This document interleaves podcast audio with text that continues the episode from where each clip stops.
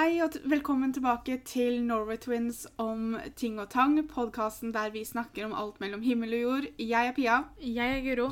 og i dag så skal vi snakke om året jeg flytta til Newcastle for å gå på skole. Det var en del av utdanninga mi når jeg gikk i Halden. Jeg studerte det som het internasjonal kommunikasjon i Halden. Fancy. Jeg vet ikke om det heter det nå lenger, men eh, det kan hende de har forandra litt på navnet. Og en obligatorisk del av den utdannelsen var å ta et halvt år i utlandet. Vi kunne velge mellom London, Newcastle, ett eller to steder i USA, men jeg husker ikke helt hvor, Australia og Sør-Afrika. Vurderte du noen gang noen av de andre stedene? var så vidt innom USA bare for at det er USA, jeg har alltid hatt lyst til å bo der. Men tankeprosessen min var at det er veldig lang reise dit. Mm. Så for at sjansen skulle være størst mulig for at jeg skulle få besøk ofte, så måtte jeg bo nærmere. Ja.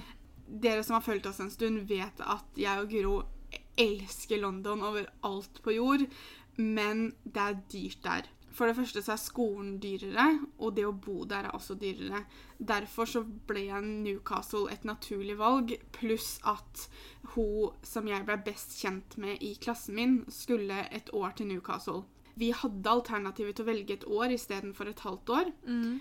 Tanken på å være borte et år virka som 15 år i hodet mitt når jeg tenkte på det. Men jeg er også en sånn person at jeg er veldig sjenert, jeg er veldig tilbaketrukken. Så det tar meg lang tid å bli det mamma kaller varm i trøya. Og jeg visste det at hvis jeg skulle bare dra for et halvt år, så kommer jeg til å bli varm i trøya to uker før jeg skulle hjem. Så det beste for meg er å gjøre det et år, for da har jeg bedre tid på meg til å finne min plass før jeg skal hjem igjen. Jeg tenker jo også det at eh, når man først har den muligheten, så kan man jo like å ta et år enn en, et halvt år. Det, altså, den muligheten dukker jo ikke opp hvert år, på en måte. At liksom, Har du lyst til å dra til utlandet og studere, liksom? Jeg angrer ikke på at jeg tok et år. Nei. Det, det passa meg veldig veldig bra. Personlig, men også når det gjelder skolen, fordi at jeg fikk litt muligheten til å ta andre valg når det gjaldt faga jeg skulle eh, studere, av at det var noen fag som gikk over et år, mens Ja. andre var bare ett semester av gangen. Visste du om dette her når du søkte deg inn på internasjonal kommunikasjon? Ja. Det sto klart og tydelig at det, ja, må, Det står i det beskrivelsen. Ja, så lenge det er obligatorisk, så må man vel opplyse om det på forhånd. Kunne man slippe? Ja, det, det var flere i klassen min som ikke dro, okay. av ulike grunner. F.eks. hvis du hadde barn, så er det ikke bare å pakke sammen og eh, reise av gårde. Det er sant. Og for andre grunner, for den saks skyld, det er jo noen som har jobber som det er litt vanskelig å få fri fra et halvt år. Jeg sier alltid det at jeg dro til Newcastle sammen med Camilla og Lilly, Mm. fordi vi dro samtidig. Vi tre dro et år. Lilly og Camilla var jo de to i klassen min som jeg på en måte kjente best Mm. og hadde mest kontakt med, så det passa jo perfekt.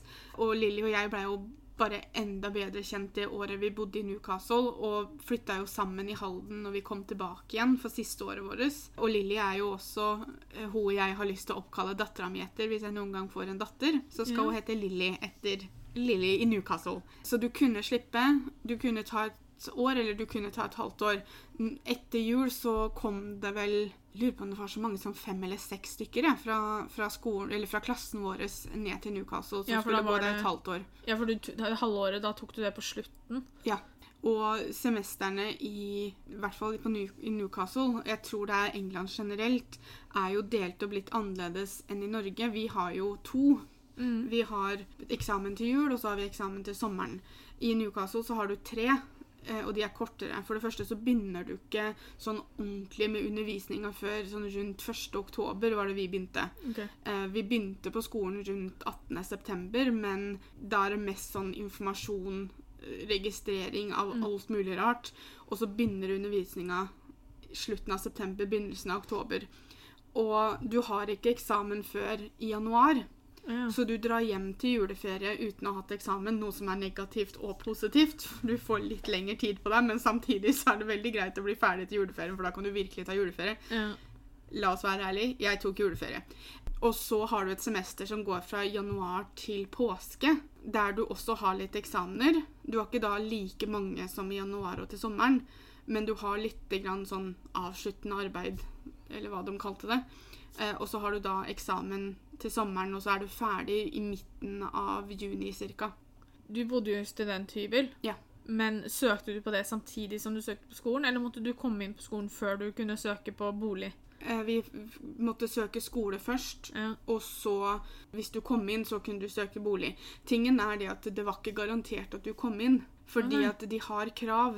Og det også varierer litt grann fra hvilken skole du skal gå på, men også hvilket land. Og London eksempel har strengere krav enn Newcastle. Ja. Nå hadde jeg ganske bra karakterer på høyskolen, Mm. så det var ikke nødvendigvis noe problem. Men du må også ta en test for å teste engelsken din. For Ja. du kommer ikke inn uansett. Nei. Når du går på skole i England, sier det seg selv. Undervisninga foregår på engelsk. Mm. Og det her er universitetet, så det er ikke bare bare. Det er ganske tøft og strenge krav. Noe som vil si at språket må være der for at du skal kunne følge med, for foreleserne har ikke tid til å skulle på en måte hjelpe deg å forstå språket samtidig som de skal hjelpe deg til å forstå pensum. Kunne det da hende at noen ikke hadde, hadde karakterene til å komme inn noe sted? Det kan sikkert skje. Jeg tror ikke det skjedde noen i klassen min. Eh, Karakterkravet var nok ikke like strengt. Okay. Du, du kom ikke inn hvis du hadde stryket på Vi måtte stå alle eksamene våre, for vi måtte fullføre første året hvis vi skulle komme inn. Ja. Det viktigste var denne engelsktesten, som på en måte viste de at, de, at du kom til å ha evnen til å komme deg gjennom undervisningene. For du og Camilla, dere dro jo ned første, eller 2. september. Dro vel dere av gårde, gjorde dere ikke det? Ja, jeg mener å huske at vi dro tidlig i september en eller annen gang. Men jeg lurer Jeg tror ikke det var så tidlig som, som første, for jeg tror ikke vi var Dere, hadde, bodde dere, ikke, dere bodde litt grann på et motell eller noe sånt? gjorde Vi ikke bodde det? to netter på et hotell, og så fikk vi studenthybelen.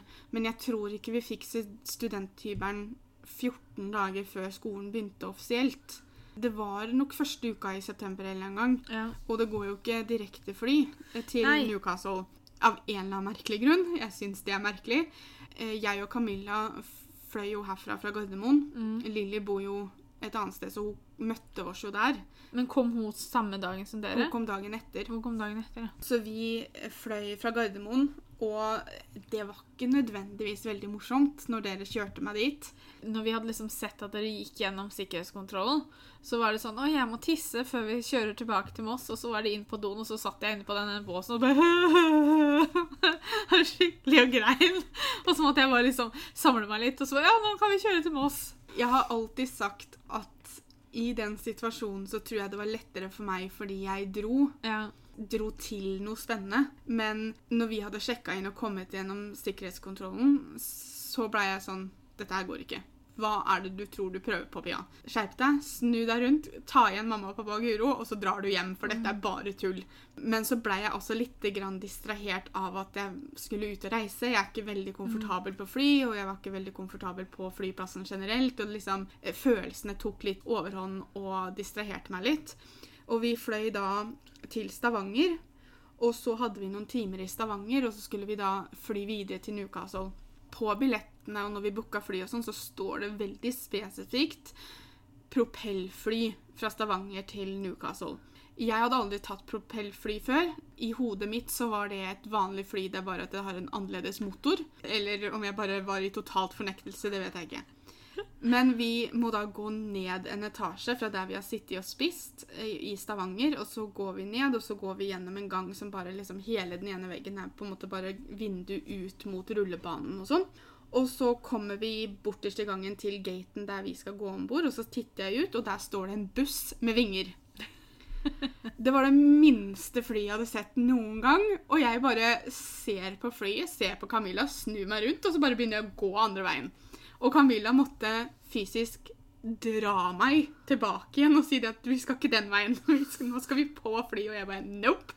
Nei, absolutt ikke. Jeg skal ikke på de greiene her. Hva er det du tror du tuller med?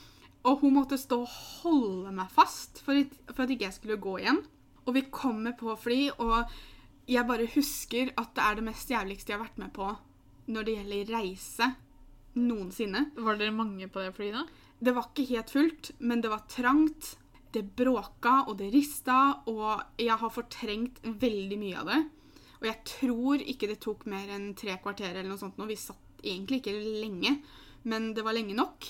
Og har aldri flydd den ruta der til Newcastle igjen. Da mellomlanda jeg alltid i Amsterdam etter det. Altså, Det var jo den ruta jeg tok. Ja. Jeg syns jo den var, den var jo grei nok, den. Altså, Amsterdam-flyplassen er ufattelig stor. Den er massiv. Så når du landa Når du kom fra Norge og landa, så måtte du som regel på andre siden av flyplassen, noe som tok litt tid. Jeg hadde jo som regel veldig god tid når Og jeg, jeg booka alltid god tid. Jeg hadde i hvert fall to eller tre timer på flyplassen tilfelle det skulle bli forsinkelse. For jeg kunne ikke komme i den situasjonen at jeg måtte løpe, for da blir jeg stressa, og da slår angsten inn. ikke sant? Jeg husker at jeg løp en gang som jeg skulle hjem. Så måtte jeg løpe mellom flya. Men det var også litt fordi at jeg booka aldri så god tid. Jeg hadde sånn kanskje en time.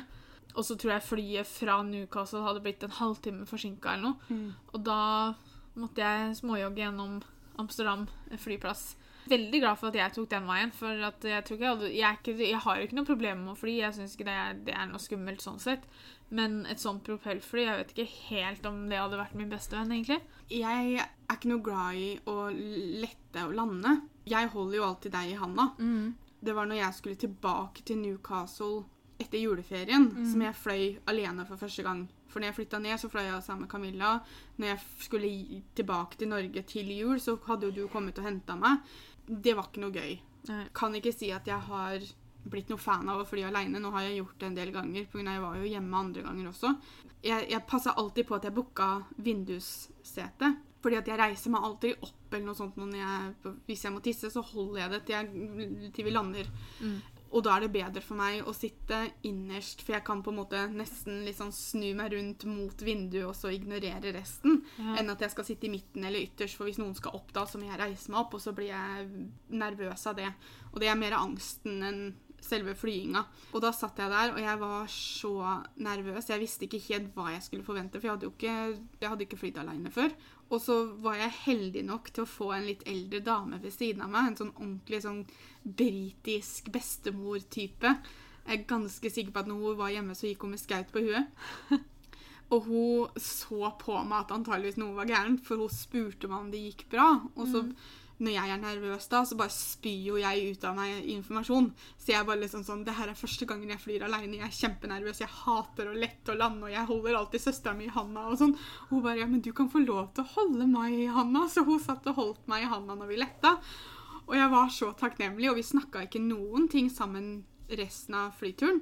Da skulle jeg begynne å lande, så tenkte jeg jeg kan ikke spørre om å holde meg i handa, men da tok hun meg bare i handa, og så så jeg på henne, og så smilte hun til meg. Og så holdt hun meg i handa når vi landa òg. Det er jo veldig, veldig hyggelig. Jeg husker jeg, jeg tror det var når jeg skulle til deg til jul, så var jeg tydeligvis litt sein med å sjekke inn, for da var det bare midtsete Det var bare midtseter som var ledig. Og så tok jeg igjen på sånn andre raden eller noe sånt. Jeg ble sittende kjempelangt foran. Og jeg ble sittende ved siden av en sånn businessfyr som da satt ved vinduet, og så satt jeg i midten, og så hadde, var det da ledig plass på ytterste sete.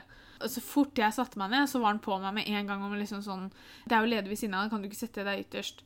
Og jeg liksom Jo da, jeg kan sette meg der hvis det er sånn at når vi skal lette at det, det setet fortsatt er ledig, så setter jeg meg der. Si at det gikk ti minutter, da. Folk drev fortsatt og kom på fly og satte seg ned og sånn. Og han bare Ja, nå kan du flytte deg bort her. Og jeg bare Nei, jeg flytter meg dit når flyet Når jeg vet at ikke det kommer flere. Jeg skal flytte meg dit hvis det er ledig der når vi skal ta av, liksom. Slapp av. Så lokka han med en døra på fly, og da liksom så jeg at han snudde seg mot meg. Jeg bare Ja, jeg flytter meg nå. Herregud, han maste. Jeg bare Er det mulig? Så han ble jeg litt sånn småirritert på, men uh, Det det er greit. Jeg hadde ikke noe lyst til å sitte ved siden av han heller, så det var greit. det. Så jeg satte meg mer enn gjerne ytterst, sånn at vi hadde et sete mellom oss. Nei, ikke noen gamle, koselige damer som kan holde meg i handa der, nei. Det var det ikke på min flyvning. Nei. Men sånn for å komme tilbake til Newcastle, liksom sånn, når dere kom ned, var, det mye dere måtte fikse da før skolen begynte, liksom? Var det noe Fordi jeg vet jo sånn, sånn når jeg begynte på lærerskolen og sånn, så var det jo Det var jo den fadderuka først. Hvor liksom du ordna sånn som skolebevis og kjøpte skolebøker og liksom ble litt kjent med skolen og sånne ting. Hadde dere en sånn type uke der, eller var det noe dere måtte fikse før da skolen begynte? Du kunne nok vente matte. Vi gjorde det ganske tidlig fordi vi var der nede relativt tidlig. Ja. Og istedenfor å vente til alle andre elevene kom også, så gjorde vi det ganske tidlig. Å flytte til et nytt land er ikke helt som å flytte fra Moss til Halden. For når du flytter fra Moss til Halden, så kan du ta med deg ting. Vi begynte veldig på bar bakke når det gjaldt hyblene. Eller rommene våre, eller hva jeg skal kalle dem. Jeg hadde rom med eget bad, men vi delte kjøkken. Så du måtte ha veldig mye av dette basic greiene. Mm. Veldig mye av det lot jeg leverte jeg inn til resepsjonen i blokka der jeg bodde, sånn at de kunne dele det ut, eh, eller låne det ut, eller selge det til andre som skulle bo der senere. For det var ikke noe jeg gadd å ta med meg hjem. Nei. For det var bare et glass til å ha tannbørsten i, det var en badematte, håndklær, sengetøy. Så vi måtte kjøpe inn det. Mm. Det var egentlig bare morsomt. Ja. Det er litt sånn surt å bruke penger på det, men, men det er jo bare morsomt. Og så var det det å få studentbeviset. Det var registreringer.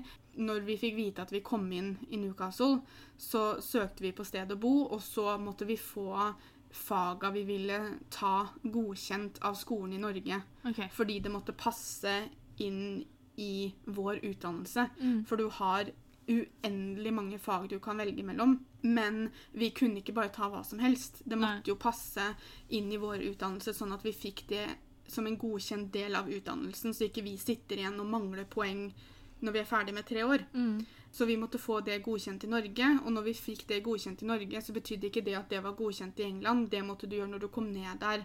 Da Aha. måtte du søke eh, og, og velge fag, og så måtte du få det godkjent fordi det måtte klaffe med timeplanen. Mm. Og det er litt av en kabal å få til å gå opp, for veldig mange Noen kunne jo oppleve at en av dagene så hadde du det samtidig, ikke sant? og da kunne du ikke. Fordi det er veldig strengt med oppmøte i Newcastle. Det er obligatorisk absolutt alt sammen. Du kan ha 20% fravær i et fag per semester, og hvis du får mer enn det, så, så stryker du. Ja, for da får du ikke karakter. Nei, og da får du det ikke godkjent, og da får du ikke de poenga. Du hadde noen fag som gikk over hele året, og du hadde noen fag som bare gikk et halvt år av gangen. Og de på et år fikk du da selvfølgelig mer poeng, og så måtte vi passe på at vi fikk nok poeng i forhold til hva vi måtte få i løpet av et år. Eh, og vi måtte få da kabalen til å gå opp med timeplanen, og at det kunne ikke være samtidig. Og det var også fordi Newcastle University er ganske stort, og de har hovedcampus, men de har også bygninger andre steder i Newcastle. Det er ikke alltid du har veldig god tid mellom forelesningene, så du kunne ikke ta et fag hvis Si at den ene forelesninga var på hovedcampus, og så hadde du en annen forelesning på campus C, men det var for langt unna, så du rakk ikke å komme deg. ikke sant? Så det var så mye å tenke på. Mm.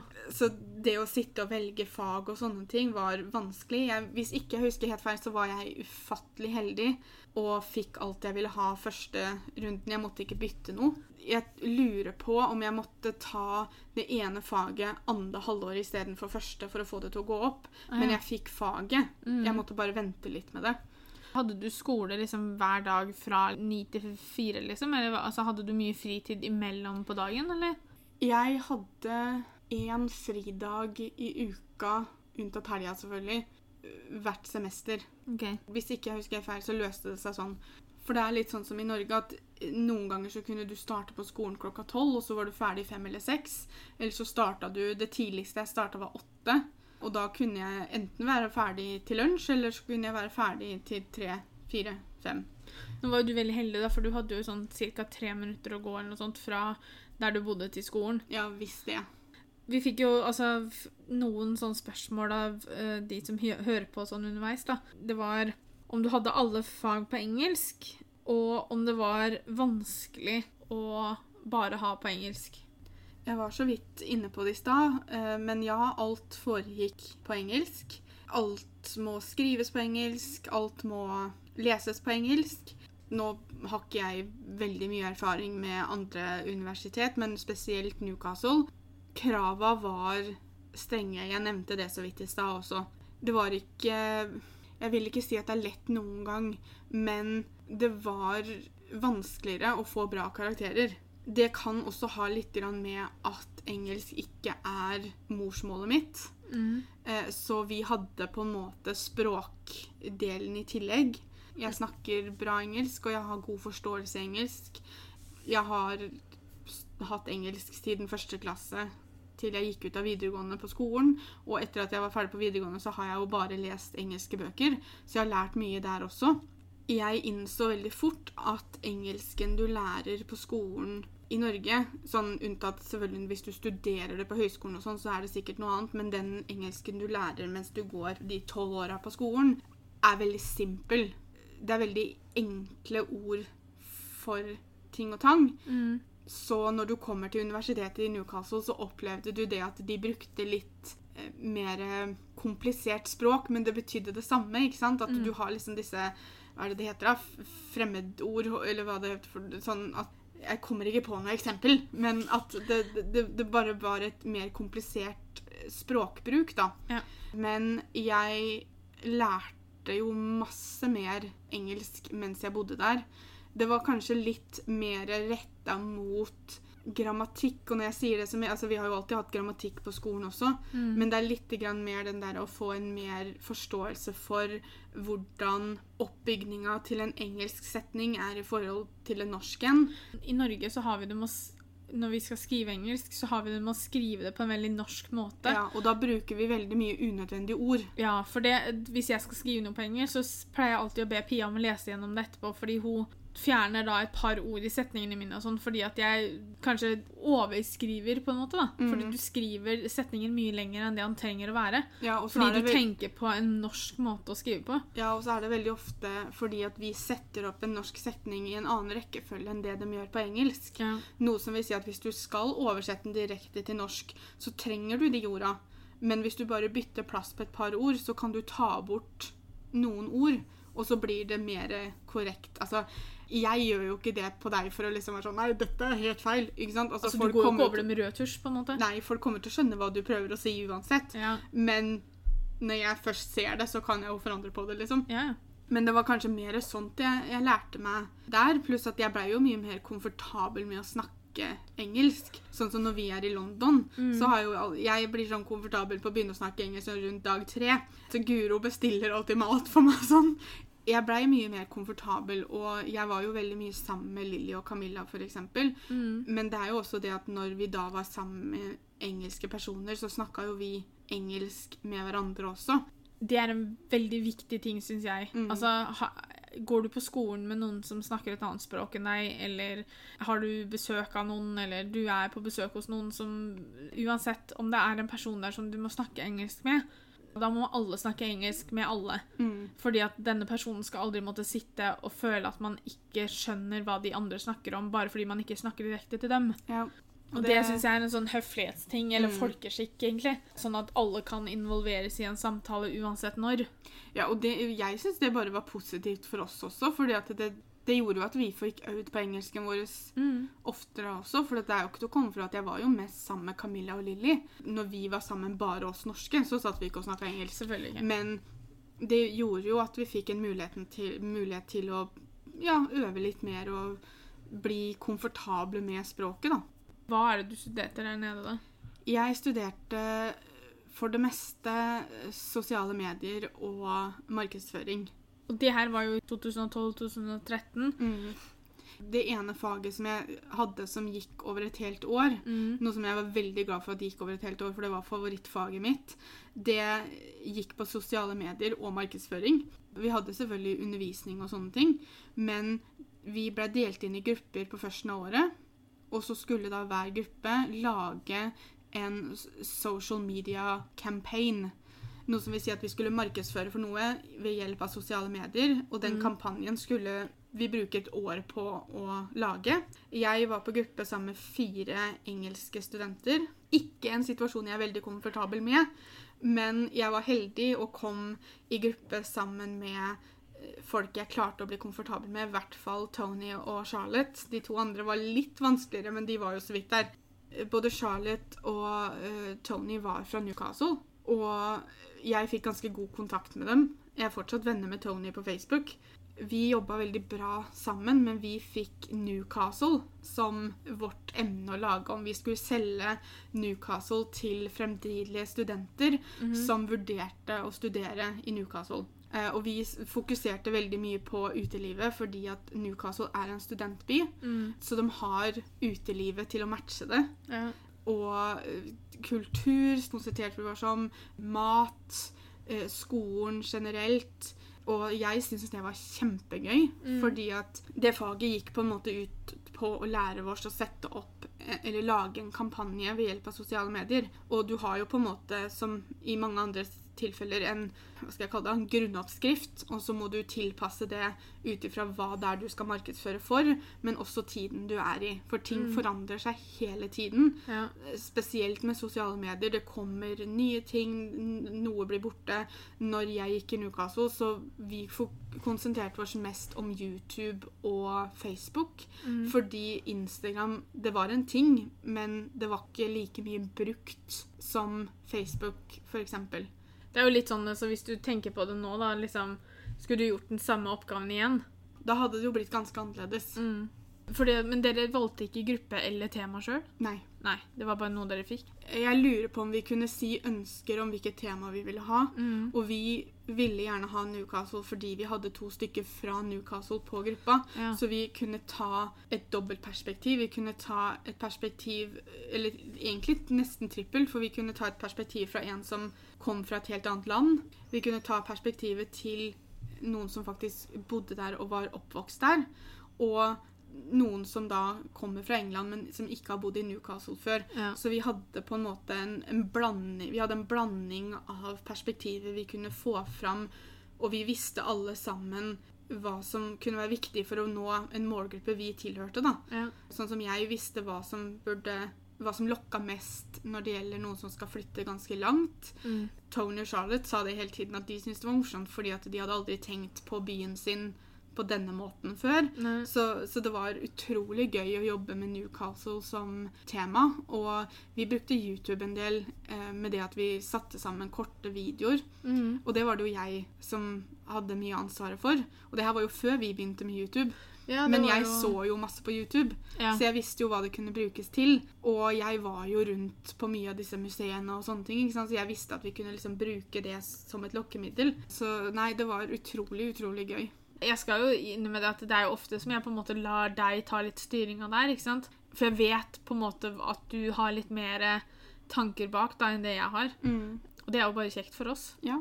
Hvordan syns du skolen var utseendemessig? holdt jeg på å si sånn? For jeg husker det når jeg gikk i Tønsberg, så var det liksom sånn Den skolen jeg gikk på, det var jo på en måte en avdeling som hørte til den som ligger mot Horten. Mm. Og den skolen som jeg gikk på, den hadde jo ikke blitt gjort noe med på en stund. De holdt jo på å bygge Det var vel året etter at jeg var ferdig, tror jeg. Eller etter at jeg slutta. Så begynte de jo å pusse opp den mot Horten. Sånn at siste året når Helene gikk der, så gikk jo hun på den i Horten, for da stengte de jo den som vi gikk på. Du, du så klart og tydelig at det her er en skole som har holdt på en stund, da. Du så at skolen var gammel, Mm. men han var godt vedlikeholdt. Okay, ja. Men det jeg likte, var at de vedlikeholdt den gamle strukturen og den gamle, det gamle utseendet. Det ble liksom ikke modernisert noe særlig. Nei, forelesningssalene Mm. var ganske nye. Åssen satt man? Satt man sånn som du ser på film? Sånn oppover? Ja, um, veldig ofte. Fordi vi kunne være oppimot 100-150 stykker i én klasse. Ja. Det er ikke nødvendigvis klasse, men vi kunne være så mange. Så noen fag så satt vi i sånne massive saler der du sitter nesten sånn kinosal-type lignende. Andre gang, eh, sånn som i social media marketing, da satt vi eh, i et stort, stort rom, men vi hadde pulter og stoler. Okay. Eller det var bord, altså vi satt vel to og to på et bord. Men jeg likte at, at bygningene hadde disse gammeldagse utseendene. Heisene knirka på vei opp fordi at de var gamle. Du, når du kom inn døra, så kom du på en måte i en sånn massiv ankomsthall der det var kjempehøyt under taket. Det var så fint. Ja. Det var bare helt nydelig. Eh, noen ganger så var det veldig rart å gå fra det og inn i en forelesningssal, og så kom du liksom hvitt rom med liksom blå seter, og så var det sånn Jaha, hvilket univers er det vi har gått inn i nå? Men jeg skjønner jo at det må jo være litt eh, Ja. mer fordi at du skal sitte behagelig og sånne ting. Men jeg likte kjempegodt bygningene. De dreiv og pussa opp den ene bygninga på, på hovedcampus mens vi var der. De skulle ikke forandre på det, de måtte bare vedlikeholde. Pluss at hovedcampus tror jeg besto av fem eller seks bygninger. Gressplener med masse blomster på rundt bygningene. Det å gå gjennom campus var jo bare helt nydelig. Det var jo så utrolig fint. Og det var liksom gressplener der elever satt og leste, og svære krakker og uteområder du kunne sette deg ned på. Statuer, figurer. Hvis jeg skal forklare campus på en måte, så er det overveldende. For, for det første så er det massivt i forhold til Halden som vi gikk på, liksom. Som du kunne nyse og treffe andre siden av bygget, egentlig. I, i forhold. Men det var stort, og det tok tid. En av tinga vi brukte den tida på før skolen begynte, var bare å gå rundt på campus. Vi fikk timeplanen vår, vi fikk vite hvor vi skulle ha forelesningene, og så var det bare å finne de romma Ja. før første skoledag. Men hadde liksom campus alt Var det bibliotek der? Var det liksom Det var alt sånn Altså kantine?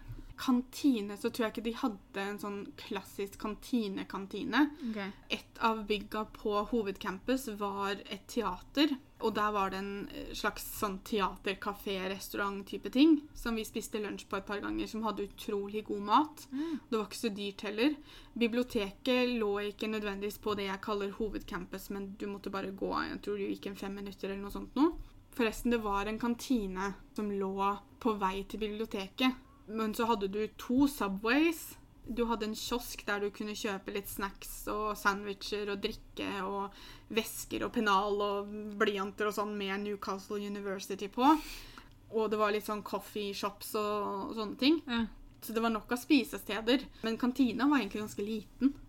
Men altså, du har jo snakka litt om krav og sånn i timen. Hvordan syns du forelesningene var? Og lærerne? For, eller foreleserne, eller hva de skal bli kalt? Ja, det var veldig viktig å ikke kalle dem lærere, for de Ja. var ikke lærere. De hadde en høyere utdannelse enn lærere. Det fikk vi streng beskjed om av hun ene. Og vi bare OK. Forelesningene var veldig spennende. Litt fordi det foregikk på engelsk, men også fordi Det er litt vanskelig å forklare, men de underviser på en litt annen måte enn det vi er vant til her hjemme. Ok. Det var også Jeg vet ikke hvor mange ganger jeg kan si det, men mye mer jobb. Du hadde mye å lese til hver forelesning. Mm. Du fikk en leseplan sammen med pensumliste, og du fikk en plan over hva som skulle gå gjennom når og sånne ting. Det fikk du ganske tidlig. Ja. Men fra en forelesning til en annen, som da kunne være dagen etter, så kunne du ha 200 sider å lese. ja. Det var flere i klassen min som prøvde å klage på det og si liksom det at kan vi få mindre å lese, for det er veldig mye. Og det vi fikk beskjed om da, var at vi fikk leseplanen vår ganske tidlig. Hvis vi syntes 200 sider var mye å lese på én dag, så måtte vi bare passe på at vi lå foran, sånn at vi hadde lest Kunne bruke lengre tid på å lese det. Så det var løsningen, på en måte. Vi hadde Altså, i ett fag så kunne vi ha f.eks. 20 pensumbøker. Ja. Men skulle, i den ene boka så skulle vi bare ha de 150 sidene, og ikke noe mer. Så veldig, veldig ofte så fikk vi det på link, for vi hadde Jeg tror det er mer og mer vanlig i dag også at skolene har apper der du får alt av karakterer, du får oppgaver og sånn på appen. Og det hadde de i Newcastle. Så veldig ofte så la lærerne ut en link til kopierte sider av de 150 sidene. Okay. Og så kunne vi laste det ned og sitte og lese det på dataen, eller vi kunne skrive det ut hvis vi ville det. Mm. Det var et stort datarom i blokka der jeg bodde, annet, med fire eller fem printere og sånne ting. Og så hadde du et sånt kort som funka der du bodde, og på skolen, som var sånn printerkort som du hadde, måtte fylle på penger for du betalte for hvert, Jeg mener at vi ark. Var det der vi var For jeg tror jeg var på et sånt datarom og så sjekka inn på flyet en gang jeg Ja. var hos deg og skulle hjem eller noe. Mm, det var når, vi skulle hjem, når jeg skulle flytte tilbake til Norge på sommeren. tror jeg. Ja.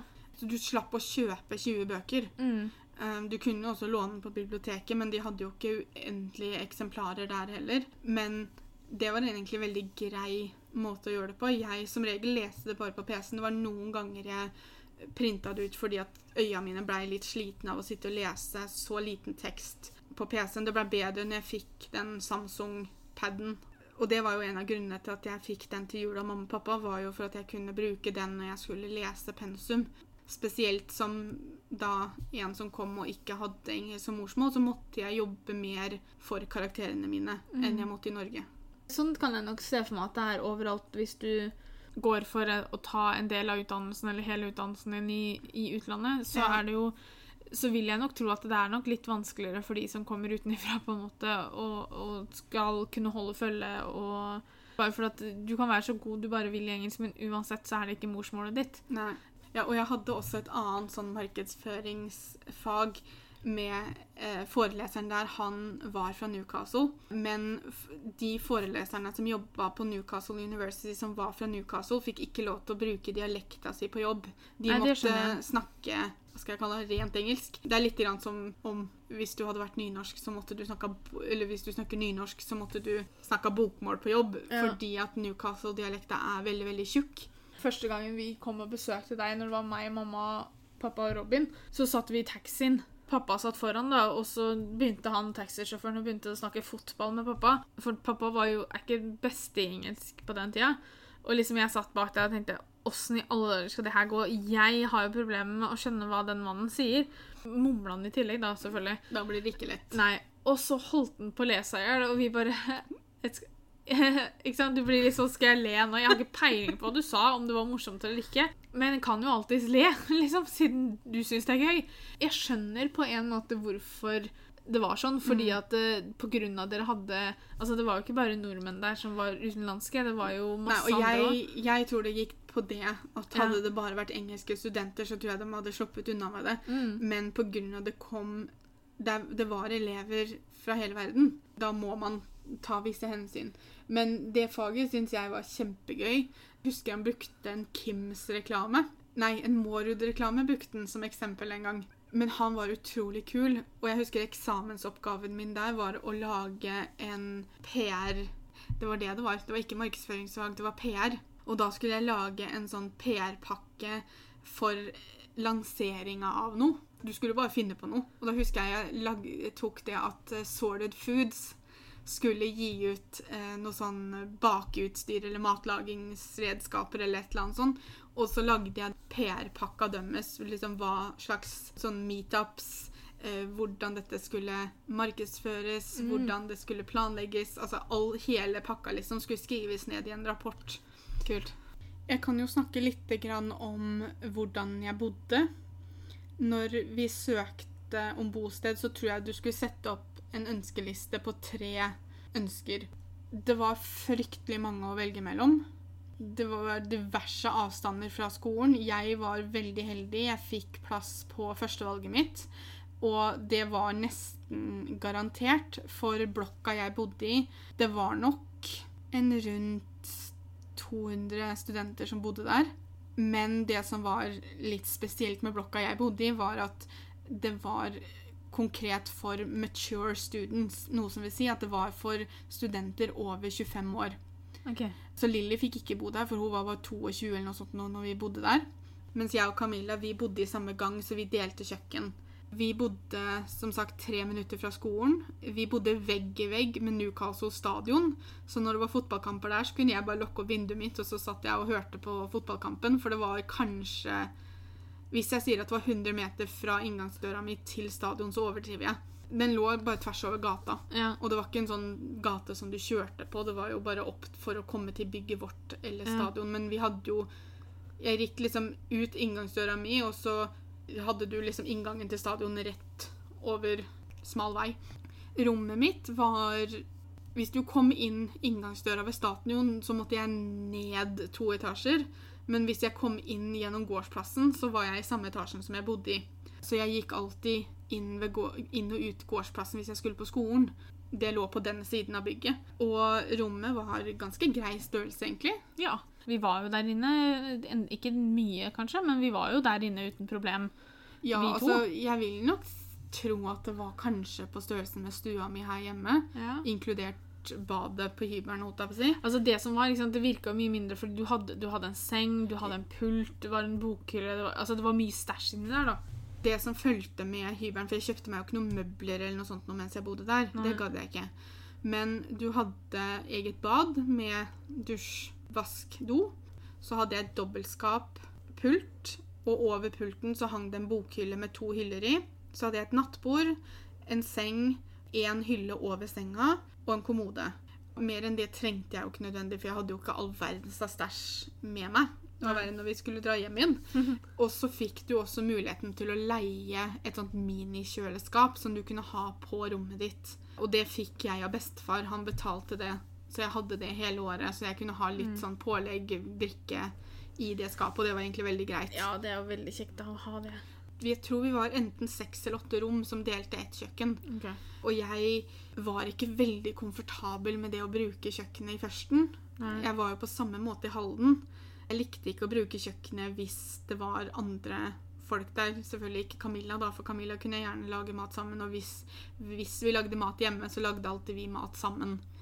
Eh, og vi var ikke de eneste som var sånn, for hvis vi der og lagde mat, og det kom inn noen andre, så hadde de å snu, og så kom de tilbake seinere. Av priser og forskjell på hva vi får i studielån og prisene i Newcastle, så spiste vi veldig mye ute første halvåret. Jeg spiste mye mer hjemme og lagde mer mat siste halvåret. Man går faktisk litt lei. Når det gjelder det, så var det jo da en som lurte på Instagram om det er jo så mye fritert og usunn mat i England, og lurte da på om det var vanskelig å ha sunne matvaner når man bodde der. Hvis det er det du vil, da, hvis du vil ha en sunn matvane og ikke spise fritert mat, så er det ikke noe vanskeligere å unngå det i England enn det er å unngå det i Norge.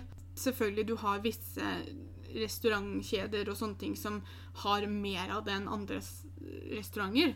Puber har veldig mye sånn løkringer, fritert fisk, fritert kylling, eh, men de har også veldig mye salater. Altså pubmat er jo nesten Ja, det har forandra seg veldig, og det kan fort måle seg med en restaurant. Du får veldig god mat på pub. Selvfølgelig det er litt fetere enn på andre restauranter. Men det betyr ikke at jeg spiste fritert mat hver dag. Vi spiste mye meksikansk, vi spiste mye italiensk og kinesisk. Og så var vi en del på Fridays, og da spiste jeg som regel kjøtt. Og så hadde de en sånn siderett på Fridays som var så utrolig god, som var bare et kvart salathode. Det var ikke delt opp engang. Du fikk det bare i en sånn båt, i en bolle, med litt Jeg tror ikke det var rømme, men det var en slags sånn hvit dressing-type ting. Og så fikk du eh, bacon. Og så egentlig så kom det da med sånn smuldra blåmuggost oppå. Men jeg spurte alltid om å få slippe å få den osten, for den syns jeg ble litt sterk. Men det var utrolig god side, siderett. Det tok jeg alltid til kjøttet mitt. Men siste halvåret så hadde vi blitt litt varmere i trøya, og da klarte vi og tørde vi å lage mer mat hjemme. Og da får du jo så utrolig mye fin mat å kjøpe i dagligvarebutikkene. De har jo mye mer utvalg der enn det vi har her hjemme. Ja. Vasking av klær. Ja, det var vaskerom i blokka jeg bodde. Litt sånn variert hvor mange vaskerom per etasje det var. Men jeg var superheldig. Jeg hadde et vaskerom tvers over gangen for hybelen min. Det var sjelden ledig når du helst ville at det skulle være ledig. Men da igjen så var jeg heldig, for jeg kunne bare stikke huet ut og passe på og sjekke. Og hvis det var ledig, så var det bare å løpe inn, hente skittentøyet og sette på vask. Og da kosta det ett pund for én vask, og så kosta det ett pund for å kjøre tørketrommelen én gang. Som regel så måtte du kjøre tørketrommelen to ganger hvis du vaska sånn som sengetøy og håndklær og sånn. Jeg tok alt i tørketrommelen. Til og med klærne mine, fordi at det var ikke akkurat noe sted i hybelen min å henge opp klær. Nei. Jeg kunne ha kjøpt meg et bitte lite tørkestativ, men da hadde det tatt hele hybelen. Så jeg bare tok alt i tørketrommelen. Jeg og Camilla fant også et vaskerom helt nederst i kjelleren, som sjelden ble brukt. Så innimellom så bare tok vi turen, og så gikk vi ned der isteden. Det eneste er litt grann at når du bor sammen med så mange mennesker, og nå var det ikke Altså, alle var jo ikke på ett vaskerom, men det var ingenting som sa at dette vaskerommet er bare for de hyblene som er rundt her. Nei. Så du gikk jo og fant en ledig vaskemaskin uansett hvilken etasje det var i. Blir litt grann den der meg først-mentaliteten. Så jeg satt alltid på klokka på telefonen min til å ringe, for jeg visste at vaskemaskinen bruker så og så lang tid. Og så tok jeg alltid og satte på klokka da til to minutter før tida gikk ut. Du kunne være uheldig at hvis noen kom til vaskerommet, og vaskemaskinen var ferdig, men du ikke hadde fått tømt den, så kunne du finne klærne dine på gulvet. Og det for meg blir helt sjukt, liksom. Altså, da Snakk om å ikke ta hensyn i det hele tatt. Jeg ble helt svett, jeg. Jeg begynte å sette igjen den balja som jeg hadde skittentøy i. Den begynte jeg, å sette igjen på vaskerommet. For da tok de i hvert fall litt hensyn og putta det oppi der. Jo, men altså- for Men ja, jeg skjønner hva du mener. Jeg hadde aldri drømt om å gjøre det. Nei, jeg gjorde heller aldri det, for det var ofte jeg kom til vaskerommet, og så var det vask i vaskemaskin, men den var ferdig. For det var noen som satte på vaskemaskinen, og så dro den på skolen, f.eks. Ja. Men jeg tok jo aldri ut de klærne da. For det første, Du kan glemme deg litt borti å sitte og lese. Du kan drive og lage deg mat, så du får ikke tatt det akkurat da. Du, du må bare vente. Ja. Vet du hva? Sorry meg, men Du fikk også eh, et par spørsmål om det om det var vanskelig om det var lett eller vanskelig å bli kjent med mennesker der nede. Eller oppe. Borte. Nå er ikke jeg et veldig godt eksempel på dette, her, for jeg er ikke noe flink til å få meg venner i Moss. For jeg er ikke noe flink til å ta kontakt med folk. Nei. Eh, Jeg er veldig avhengig av at folk må kontakte meg. Det store plusset for meg var at jeg reiste dit sammen med Lilly.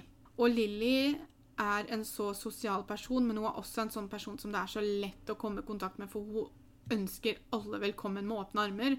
Og står Lilly stille i mer enn ti sekunder, så har hun begynt å prate med noen. Og da var det på en måte bare å kaste seg inn i samtalen der, og så fikk du kontakt med folk. Jeg blei kjent med folk jeg gikk i klassene til.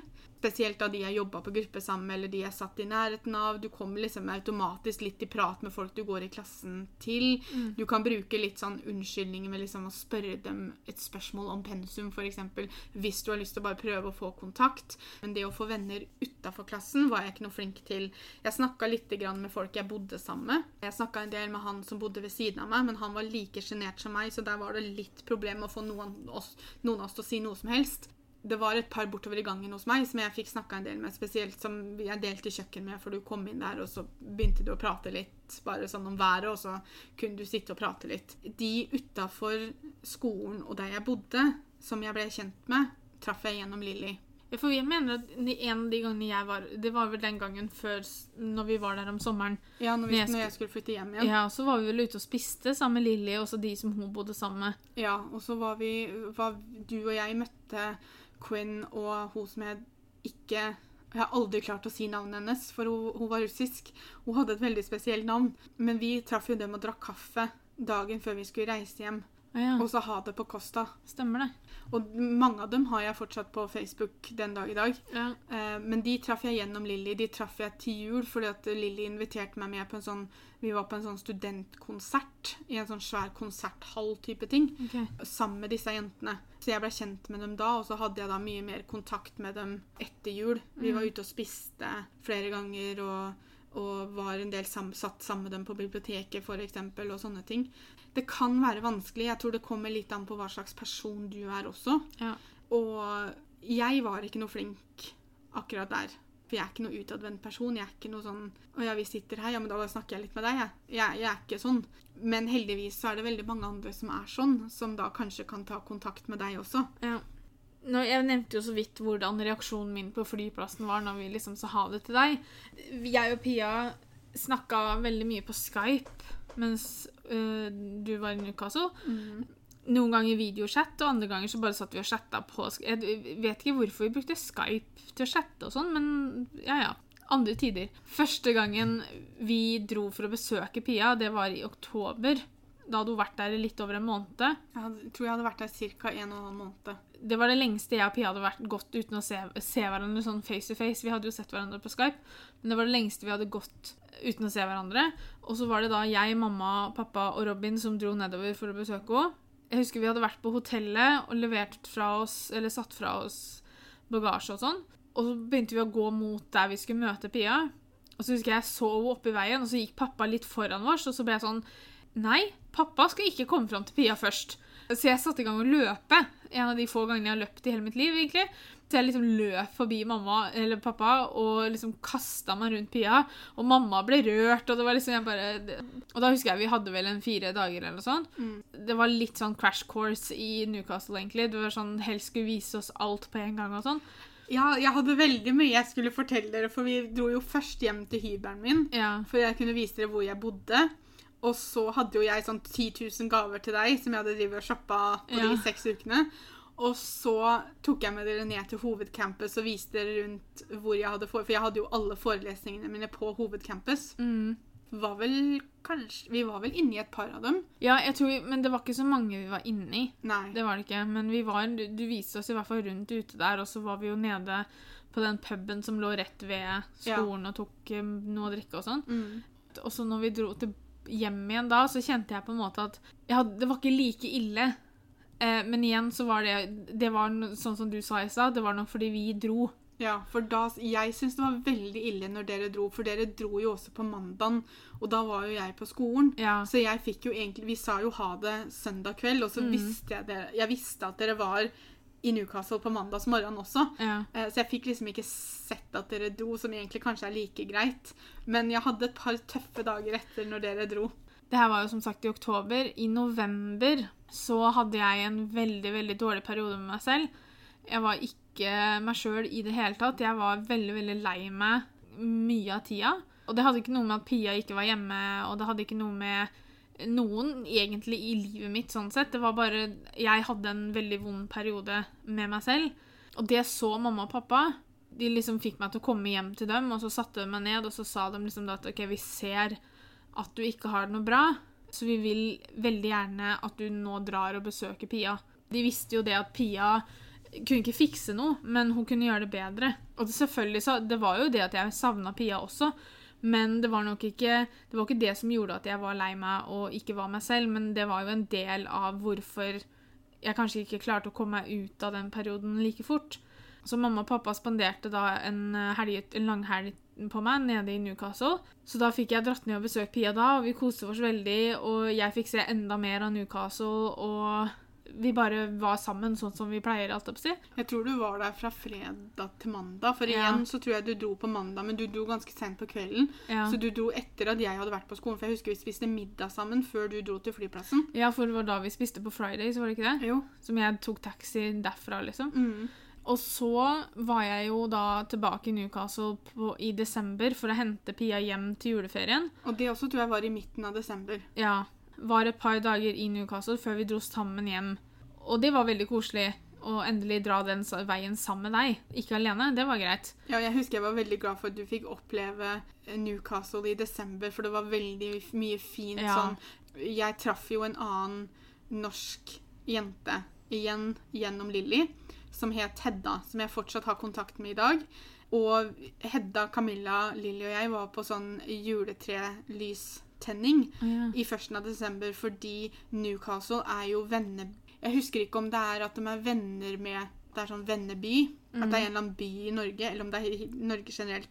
Men hvert år så sender Norge et juletre til Newcastle som blir satt opp i sentrum.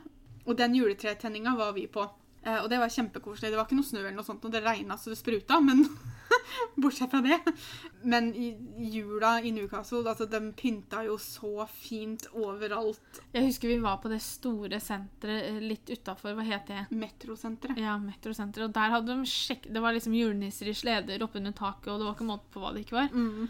Så etter jul så var jeg Jeg kunne jo ikke fortsette å besøke Pia en gang i måneden, selv om jeg hadde lyst til det. Mamma Eh, og pappa kom og besøkte meg i februar. Ja, og så kom Pia hjem til påske. Og så når Pia skulle da dra hjem til Newcastle igjen, så fikk jeg ordna meg fri fra jobben, sånn at jeg kunne være med henne og ha noen dager i Newcastle. Og da spanderte pappa hotell på oss. Mm. Sånn at da bodde vi på hotell og ikke på, i leiligheten til Pia. Når jeg, de andre gangene jeg var der, så leide vi en ekstra leilighet som lå i det huset der Pia bodde. Som er en tom hybelleilighet som da kan leies ut hvis folk får gjester. Og det var jo bare positivt for meg, fordi at da fikk jeg en sånn liten følelse av å bo der, jeg òg. For jeg hadde, min egen, eh, jeg hadde min egen leilighet med bad, og jeg var sånn Ja, nå går jeg på rommet mitt. og liksom levde meg veldig inn i det at jeg også bodde der, da. Men da sov vi på hotell.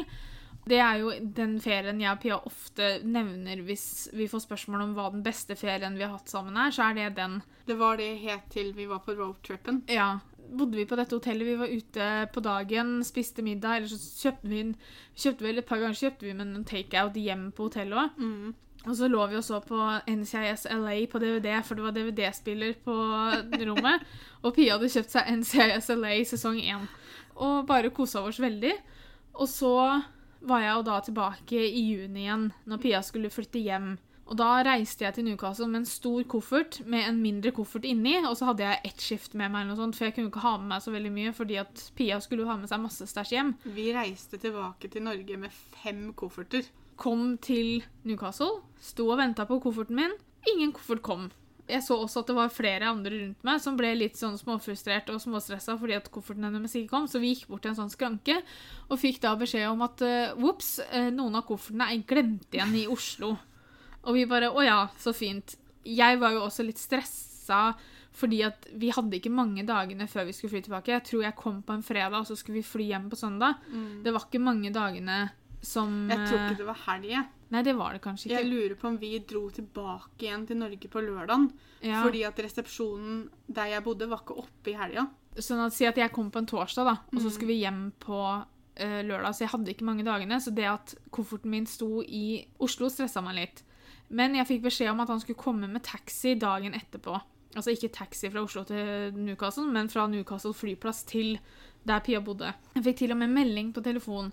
Den gangen så sov jeg på madrass på rommet til Pia, for det hadde vi da funnet ut at det gikk an å leie en madrass for fem pund per natt eller noe sånt. Noe som hadde vært mye billigere enn det rommet. Eh, så da gjorde vi det isteden. Da lå jeg bare på en madrass på gulvet.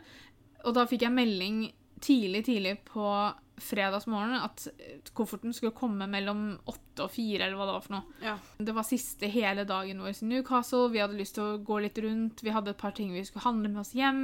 Altså, det var mye vi hadde lyst til å gjøre. da. Og det å sitte og vente en hel arbeidsdag på en koffert som skulle komme mellom sånn og sånn, det var ikke akkurat det vi hadde lyst til.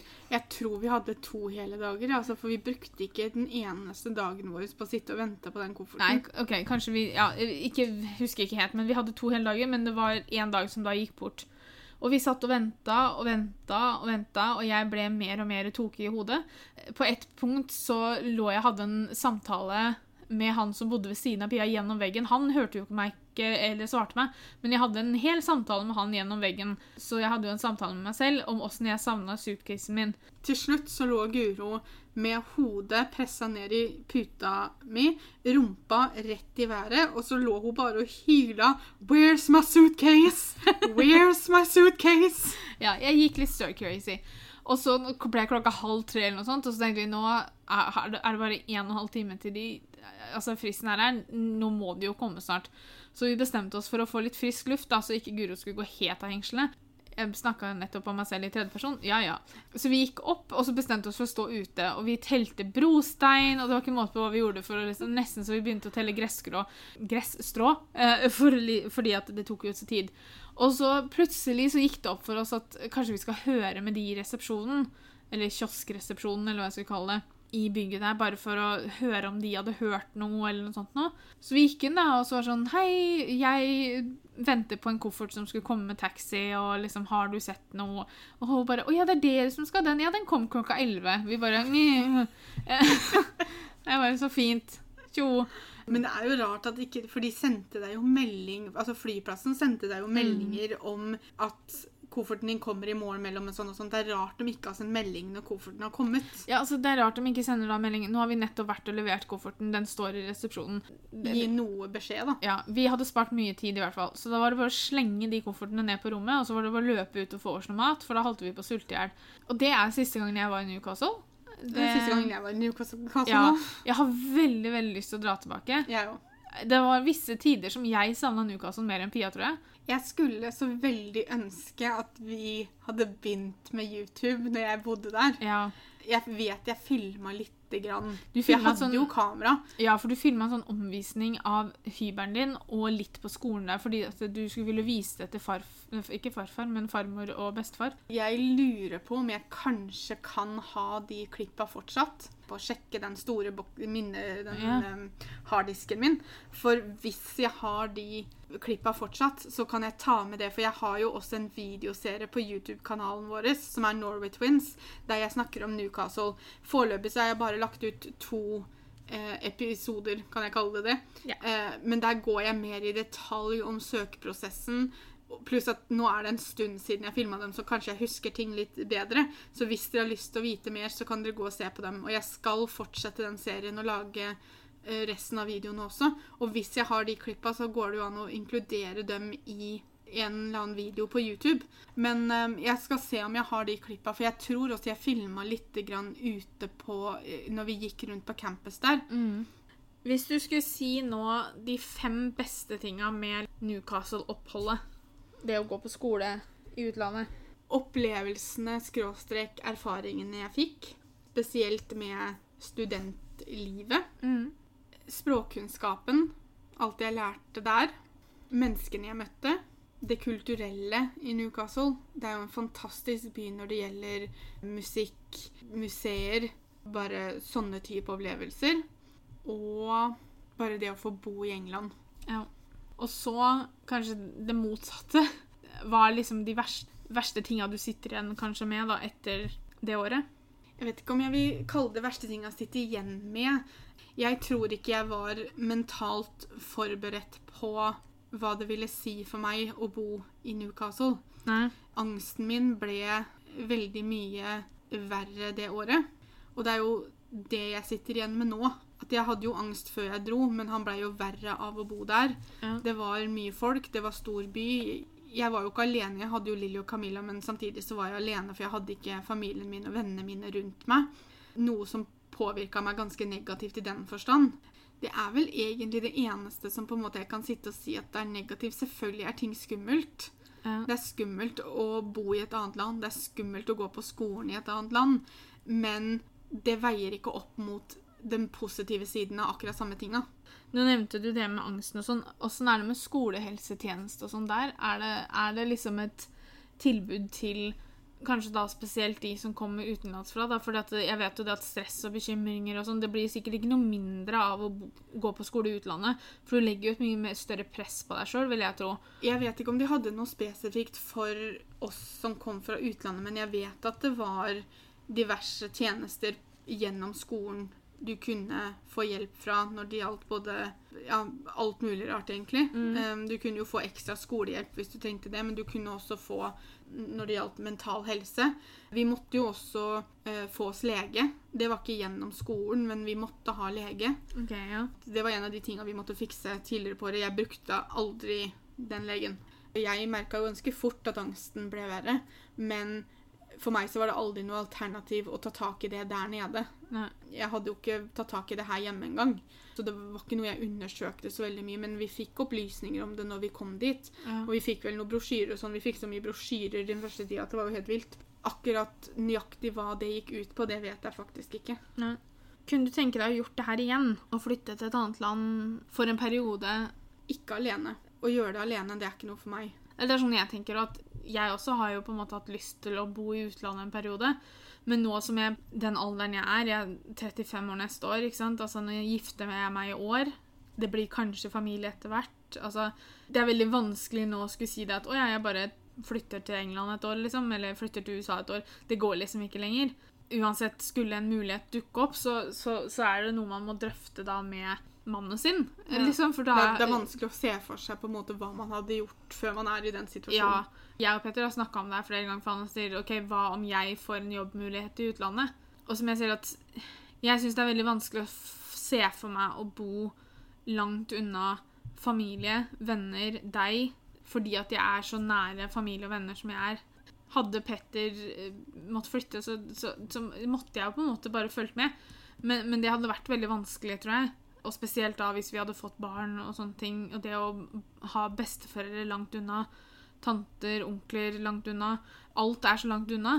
Hadde det vært for noen år siden, når jeg var singel og ikke på en måte hadde Altså, Det hadde fortsatt vært vanskelig for meg å flytte langt vekk fra familie og venner da, men spesielt nå når man er i en alder hvor kanskje det kommer barn etter hvert, så tenker jeg så mye på det. Jeg tenker så mye på det at jeg har lyst til at barna mine skal kunne bo nære familie, og at ikke det må være en sånn ting som må planlegges i lang, lang tid i forveien for at bestemor eller farmor eller noe sånt skal komme på besøk, liksom. Ja. Jeg syns det er veldig vanskelig.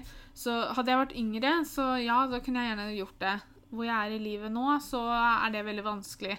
Da er det noe jeg måtte tatt tak i og vurdert hvis muligheten hadde dukka opp, liksom. Vi gjør som alltid og legger ut bilde på Instagram som hører til podkasten. Vi heter Norway Twins blogg med 1G på Instagram, så følg oss gjerne. Hvis dere har noen oppfølgingsspørsmål eller noen spørsmål til noe vi ikke har tatt opp i podkasten, så kom gjerne med dem. Får vi nok, så kan vi gjerne ta en del to etter hvert. Eh, eller hvis det er bare noen med noen korte svar, så kan jeg svare på Instagram. Tusen takk for at dere har hørt på. Tusen takk for at dere har tilbrakt litt tid sammen med oss i dag. Det kommer ny episode neste søndag, og så snakkes vi. Ha det! Ha det!